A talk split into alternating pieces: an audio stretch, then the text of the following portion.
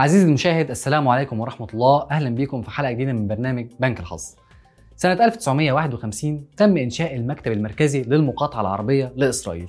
والحقيقة إن المقاطعة العربية كانت بدأت فعلا سنة 45 المقاطعة دي ما كانتش بس مع دولة الاحتلال لأ دي كمان مقاطعة لأي شركة بتتعامل معاها. وكانت كل الشركات دي بتتحط في القائمة السوداء.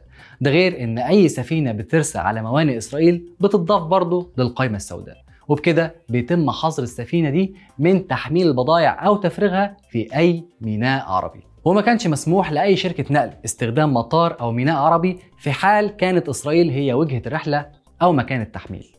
وعشان كده المؤسسات المالية والشركات الصناعية الغربية والآسيوية كمان كانت بتتجنب أي تعامل مع دولة الاحتلال عشان ما تدخلش قائمة الحظر العربية وتتمنع من دخول السوق العربي اللي كان بيفتح استثمارات كبيرة بسبب فلوس النفط. لدرجة إن لويس جودمان رئيس غرفة التجارة الأنجلو إسرائيلية قال وقتها إن الشركات الكبيرة بتقطع علاقاتها الاقتصادية بإسرائيل لمجرد إنها ما تخسرش فرصة الحصول على اتفاق مع دولة عربية. الاتفاقيات بين العرب والشركاء التجاريين كانت بتشترط إن البضائع العربية لا يعاد تصديرها لإسرائيل وبتمنع كمان استيراد أي بضاعة فيها مواد خام إسرائيلية.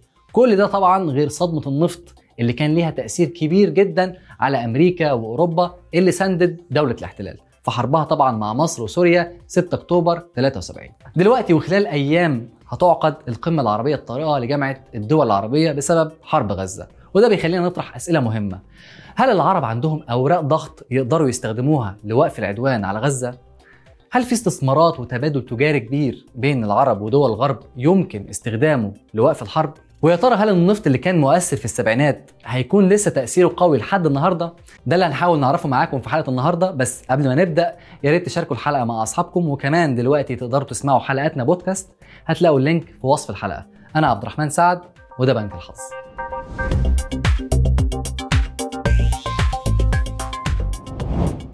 الدكتور ماتس جيلبرت مسؤول البعثة الطبية النرويجية لغزة طلب من الدول العربية إنها تاخد موقف موحد وتقطع النفط والغاز عن الولايات المتحدة الأمريكية.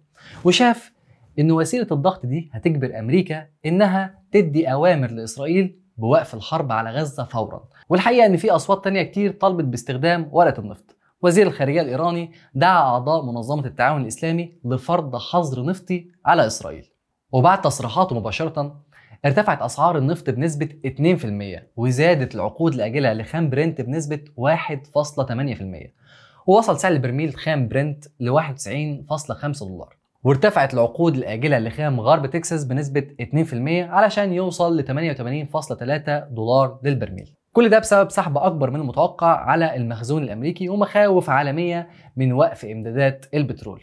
نواب في البرلمان الكويتي طلبوا الدول العربية المطبعة بسحب سفرائها من دولة الاحتلال وقالوا إن استخدام سلاح النفط والاستثمارات الخارجية وفرض عقوبات تصاعدية هو أقل ما يمكن تقديمه لمساعدة فلسطين. المصادفة هنا إنه من 50 سنة وتحديدا يوم 17 أكتوبر 73 اجتمع وزراء البترول العرب في الكويت وأصدروا قرار تاريخي بوقف تصدير البترول للدول الغربية المساندة لدولة الاحتلال. النهاردة وبعد 50 سنة من القرار ده الأمين العام لمجلس دول التعاون الخليجي جاسم البديوي قال إن دول الخليج ملتزمة بأمن الطاقة مع المجتمع الدولي ولا يجب إنها تستخدم النفط كسلاح بأي طريقة ممكنة. القرار اللي خد العرب بحظر النفط في أكتوبر 73 صدم أمريكا وإنجلترا اللي ما تخيلوش إن العرب ممكن يكون عندهم الجرأة دي.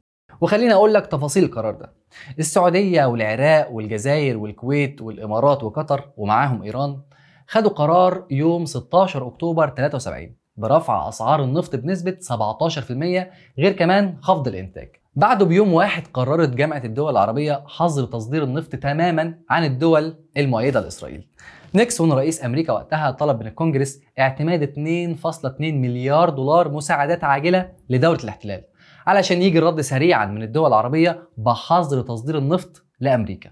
بعدها بأيام انضمت هولندا للدول اللي اتمنع عنها استيراد النفط العربي لأنها كانت بتسمح للطيارات الأمريكية إنها تستخدم مطاراتها لدعم دولة الاحتلال. ويوم 5 نوفمبر أعلنت الدول العربية تخفيض الإنتاج بنسبة 25% مع التهديد بخفض 5% كمان. كل القرارات دي اتخذت في 20 يوم بس وكانت سبب رئيسي في خسارة بورصة نيويورك حوالي 100 مليار دولار خلال 6 أسابيع. محطات الوقود الأمريكية كانت بترفع أسعار البنزين كذا مرة في اليوم الواحد ومحطات كتير علقت يافطة مكتوب عليها عذرا لا يوجد وقود اليوم. القرار العربي الجريء في أكتوبر 73 مش بس ادالنا قوة سياسية بسلاح استراتيجي ده تسبب كمان في رفع سعر النفط أربع أضعاف خلال ثلاث شهور بس وبكده زاد تدفق رأس المال للدول المصدرة للنفط وخلاها تكون ثروات كبيرة بعد الحرب. سلاح النفط لسه فعال ومهم لحد النهارده لأن أي أزمة فيه بتزود تكلفة النقل وبالتالي بترفع أسعار السلع والمنتجات غير إنه بيأثر على التضخم وبيتسبب كمان في تباطؤ النمو الاقتصادي. كادري سيمسون مفوضة الاتحاد الأوروبي لشؤون الطاقة دعت يوم 27 أكتوبر 2023 لاجتماع طارئ لتقييم المخاطر المحتملة على إمدادات النفط والغاز لو حرب غزة اتطورت لصراع إقليمي. الاجتماع خلص على إن المخاطر أقل بكتير من اللي كانت عليه قبل 50 سنة لأن أوروبا حاليا بتعتمد على النفط في 30% بس من مزيج الطاقة عندها. غير إن مخزونات الاتحاد الأوروبي من النفط تكفي متطلباتها 90 يوم يعني أي أزمة محتملة مش هتكون ليها خطورة كبيرة على أمن الإمدادات. لأن التأثير الكبير هيكون على السعر. نفس المجموعة دي كانت اجتمعت في يونيو 2023 لبحث أمن النفط في ظل الخلاف مع روسيا. بمعنى إنهم عندهم مشاكل قبل حرب غزة أصلا. وتعال أحكي لك. المفوضية الأوروبية نشرت إحصائية سنة 2019 قبل حرب روسيا وأوكرانيا. قالت إن أوروبا بتستورد 41% من احتياجات الغاز من روسيا. و16% من النرويج. و7.5% من الجزائر. وبتستورد كمان من قطر 5% وهنا علشان نعرف قوة التأثير اللي تقدر تعمله الدول العربية والإسلامية لازم نشوف مكاننا على خريطة إنتاج النفط والغاز في العالم. أول 10 دول في إنتاج النفط سنة 2022 فيهم خمس دول عربية وإسلامية. السعودية 12.4 مليون برميل في المركز الثاني عالميا العراق في المركز الخامس 4.5 مليون برميل الإمارات في المركز السادس ب 4.1 مليون برميل وإيران 3.5 مليون برميل في المركز الثامن. وأخيرا الكويت في المركز العاشر ب 3 مليون برميل. وبالنسبة للغاز كان برضه لينا مكان في أكبر الدول المنتجة. إيران جت في المركز الثالث ب 259 مليار متر مكعب سنويا. وقطر أنتجت 178.4 مليار متر مكعب في المركز السادس. والسعودية والجزائر في المركز التاسع والعاشر عالميا بإنتاج 120 و 98 مليار متر مكعب على الترتيب. يعني عندنا أربع دول من قائمة العشرة الكبار في إنتاج الغاز. وعشان نكون متأكدين تماما من قوة تأثير قرار زي حظر تصدير الغاز والنفط خلينا نبص على اللي حصل في أوروبا لما تأثرت إمدادات الغاز الروسي بسبب حرب أوكرانيا. وده اللي كلف القارة العجوز 50 مليار دولار صرفتهم على تنوع مواردها من الغاز.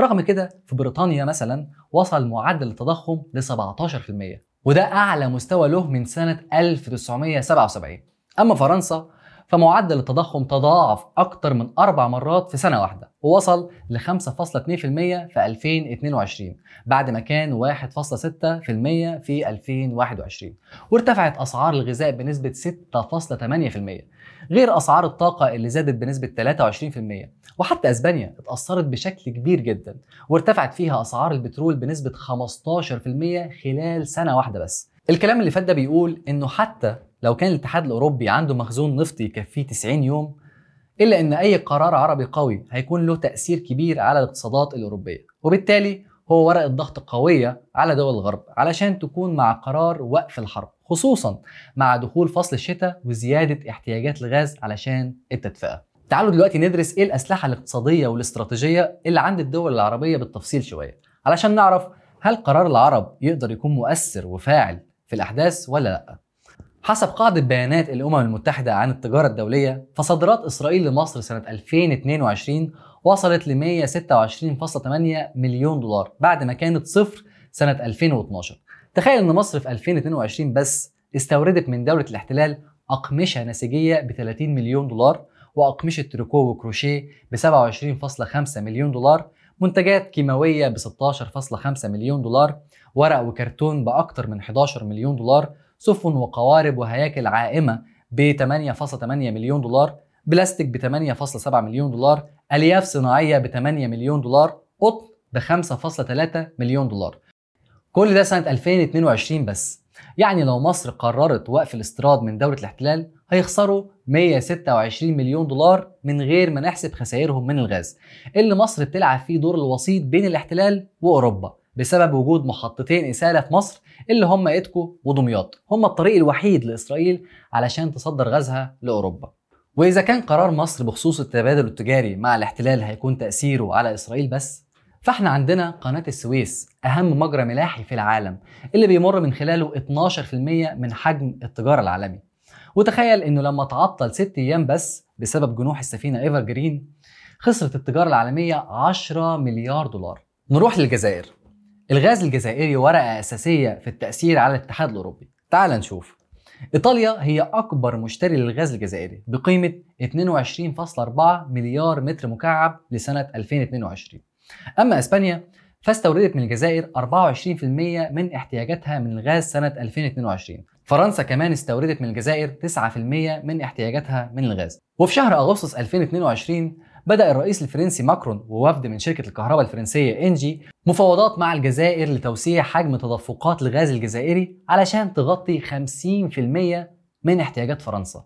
دول أوروبية تانية زي البرتغال والنمسا بتزود تدريجيا وارداتها من الغاز الجزائري حسب بيانات بلومبرج. فالجزائر رفعت مساهمتها في إمدادات الغاز الأوروبية بشكل كبير جدا ووفرت لوحدها 10% من إجمالي سعة تخزين الغاز في أوروبا. لو رحنا للغاز القطري هنلاقي قطر عملت اتفاقيات جديدة لتوريد الغاز بكميات كبيرة لدول أوروبا. في 11 أكتوبر 2023 وقعت قطر مع شركة توتال الفرنسية أكبر وأطول صفقة لتوريد الغاز مدتها 27 سنة وبتشمل 3.5 مليون طن متري من الغاز المسال سنويا. بعدها بأسبوع واحد وتحديدا يوم 18 أكتوبر وقعت صفقة تانية مع شركة شيل الهولندية. برضه بتوريد 3.5 مليون طن متر سنويا لمدة 27 سنة. بعدها صفقة ثالثة في يوم 23 أكتوبر مع شركة إيني الإيطالية بتوريد مليون طن سنويا من الغاز المسال ولمدة 27 سنة برضه. واتفاقيات غاز تانية مع دول كبيرة زي ألمانيا والصين. ده غير إن قطر هي أكبر دولة بتصدر الغاز لإنجلترا حتى قبل الأزمة الروسية الأوكرانية. ولو اتكلمنا بقى عن النفط السعودي هنشوف إن الواردات المنقولة بحرا للاتحاد الأوروبي زادت بنسبة 6% على أساس سنوي ووصلت ل 235 مليون طن في الفترة من يناير ليونيو 2023 وحسب بيانات تحليل تتبع السفن S&P Global وبيانات الشحن كيبلر وصل متوسط تدفق النفط السعودي لأوروبا ل 600 ألف برميل في اليوم الواحد سنة 2022 وأكبر الدول اللي استوردت النفط السعودي هي هولندا وبولندا وأسبانيا وفرنسا وإيطاليا. وأخيرا لو بصينا لليبيا هنشوف إن صادرات الطاقة الليبية لأمريكا في 2022 كانت 2.2 مليار دولار. ولو شايف إن ده حجم تبادل تجاري كبير فخليني أقول لك إن العملاء الرئيسيين لواردات الطاقة الليبية هم إيطاليا وألمانيا وأسبانيا والصين واليونان. يعني أمريكا مش من ضمنهم أصلا. طيب بعد النفط والغاز والبضائع وحجم التبادل التجاري الرهيب ده خلينا نتكلم شوية عن تجارة الأسلحة. بعد اتفاقيات التطبيع استوردت الإمارات والبحرين أسلحة من دولة الاحتلال بقيمة 853 مليون دولار وزاد استيراد العرب للسلاح الإسرائيلي سنة 2022 علشان يوصل ل 3 مليار دولار من أصل 12.5 مليار دولار. هم كل صادرات جيش الاحتلال. تخيل إن 25% من صادرات الأسلحة الإسرائيلية بتروح لدول عربية. وبعيدا عن دولة الاحتلال فالسعودية هي تاني أكبر دولة استوردت أسلحة في العالم خلال الفترة من 2018 ل 2022 بنسبة 9.6% من إجمالي تجارة السلاح. وطبعا 72% من وارداتها هي أسلحة أمريكية. قطر كمان بتيجي في المركز الثالث عالميا بنسبة 6.4% من إجمالي تجارة السلاح و42% من وارداتها برضه بتيجي من أمريكا. بعدهم مصر في المركز السادس عالميا بنسبة 4.5% ثم الإمارات والكويت. يعني ببساطة مليارات الدولارات ممكن يتغير مسارها لدول تانية لو قرر العرب وقف شراء السلاح من الدول الداعمة للكيان المحتل. وغير بقى كل اللي فات ده خليني أقول لك إن الاستثمارات العربية في أمريكا وأوروبا ممكن تكون ورقه ضغط على صناع القرار العالمي لأنه حسب تقرير صندوق الثروة السيادي العالمي زادت دول الشرق الأوسط استثماراتها في الغرب من 21.8 مليار دولار سنة 2021 ل 51.6 مليار دولار في 2022 ونفذت صناديق الشرق الأوسط 26 صفقة عملاقة من أصل 60 صفقة تمت في سنة 2022 قيمة كل صفقة أكتر من مليار دولار. يعني 43% من الصفقات العملاقة في أوروبا وأمريكا كانت بأموال عربية. دلوقتي وبعد ما عرفنا قيمة الدول العربية اقتصاديا وعرفنا الموارد اللي بيمتلكها العرب ويقدروا يمنعوها عن الدول الداعمة لإسرائيل هل تقدر الدول العربية تخرج بقرار قوي يكون مؤثر على صناعة القرار العالمي؟ قولوا لنا آرائكم في التعليقات. بس كده. أتمنى الحلقة تكون عجبتكم وما تنسوش تعملوا like و share وتشتركوا في القناة وتستنوني كل يوم أربع الساعة 8 مساء بتوقيت القاهرة في بنك الحظ سلام.